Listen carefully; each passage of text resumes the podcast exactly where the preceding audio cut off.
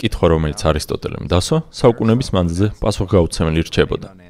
რატომაა ყველა ცოცხალი ორგანიზმისთვის სასიცოცხლო დაუცილებელი წყალი ასეთი იაფი, ხოლო ბრილიანტი, რომელიც გარშე ცხოვრებაც მარტივად შეგვიძლია, ასეთი ძვირი. დიდი ხნის ლოდინის შემდეგ ამ კითხვას პასუხი კლებადის ღრული სარგებლიანობის კანონმა გასცა.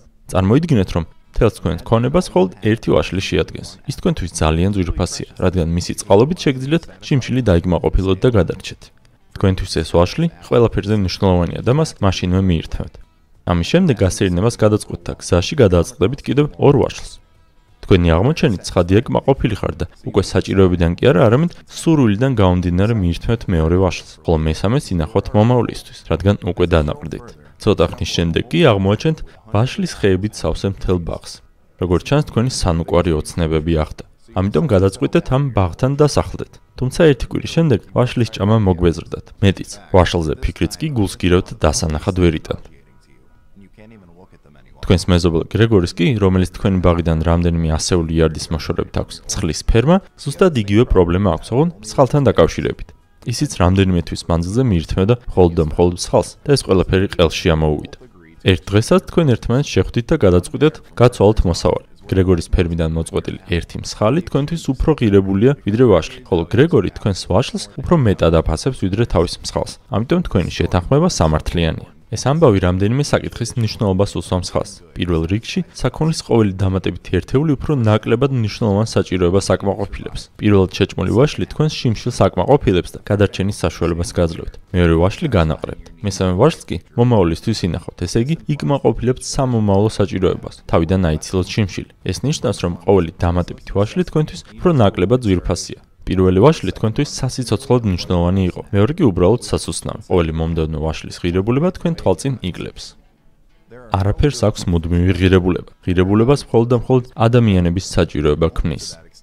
წარმოიდგინეთ, რომ ერთ დღეს აღმოაჩინეთ დიდი და მძიმე ქანდაკება, რომელიც დიდი ხნის წინ თქვენმა ბაბუამ შეიძინა თავის მეუღლისთვის, როდესაც ისინი ახალგაზრდები იყვნენ. ეს ქანდაკება დიდად გულზე არ გეხატებათ. ერთი უბრალოდ საგანია, რომელსაც მტვერი ედება. ამიტომ მის გაყიდვას ფიქრობთ. თქვენ ფიქრობთ, რომ ვინმე მხოლოდ მის ტრანსპორტირებაში რომ გადაგიხადოთ, ეს თავიდან ნაგაცილებდათ მის გადაგდებისთვის ამაო გარჯას. ამასობაში კი ირკვევა, რომ ქანდაკების ფასმა ასტრონომიულ 9 მილიონ დოლარს მიაღწია, ორი ექსცენტრული და მდიდარი კოლექციონერის მიერ დადებული ფსონების გამო. ისინი ამ ქანდაკებას უკანასკნელი 10 წლის განმავლობაში ეძებდნენ, რადგან ეს იყო ბოლო ექსპონატი, რომელიც შეავსებდა მათ კოლექციას. ამ მაგალითის მიხედვით, ერთსა და იმავე საქონელს შესაძლოა რადიკალურად განსხვავებული ღირებულება ჰქონდეს სხვადასხვა ადამიანებისთვის. ახლა კი დაუბრუნდეთ არისტოტელეს შეკითხვას. მასობრივი გვალვის შემთხვევაში ყველა უფრო მეტად დააფასებდა წყალს, ვიდრე ყველაზე იშვიათ ბრილიანტს. ამ უკანასკნელს ვერაფერში გამოიყენებდით, თუ წყურულისგან ვიხოცებით. ხოლო სადაც წყალი მრავლადაა, იქ წყურულის მოკლა არ წარმოადგენს პრობლემას. იქ სადაც გვაქვს თავშესაფარი და არ ვიტანჯებით შიმშილისგან და წყურულისგან, ადამიანებს იმის ფუფუნება გვაქვს, რომ უფრო ესთეტიკურ საჭიროებებზე ვიზრუნოთ და ამგვარად დავაფასოთ ბრილიანტი უფრო მეტად ვიდრე წყალი.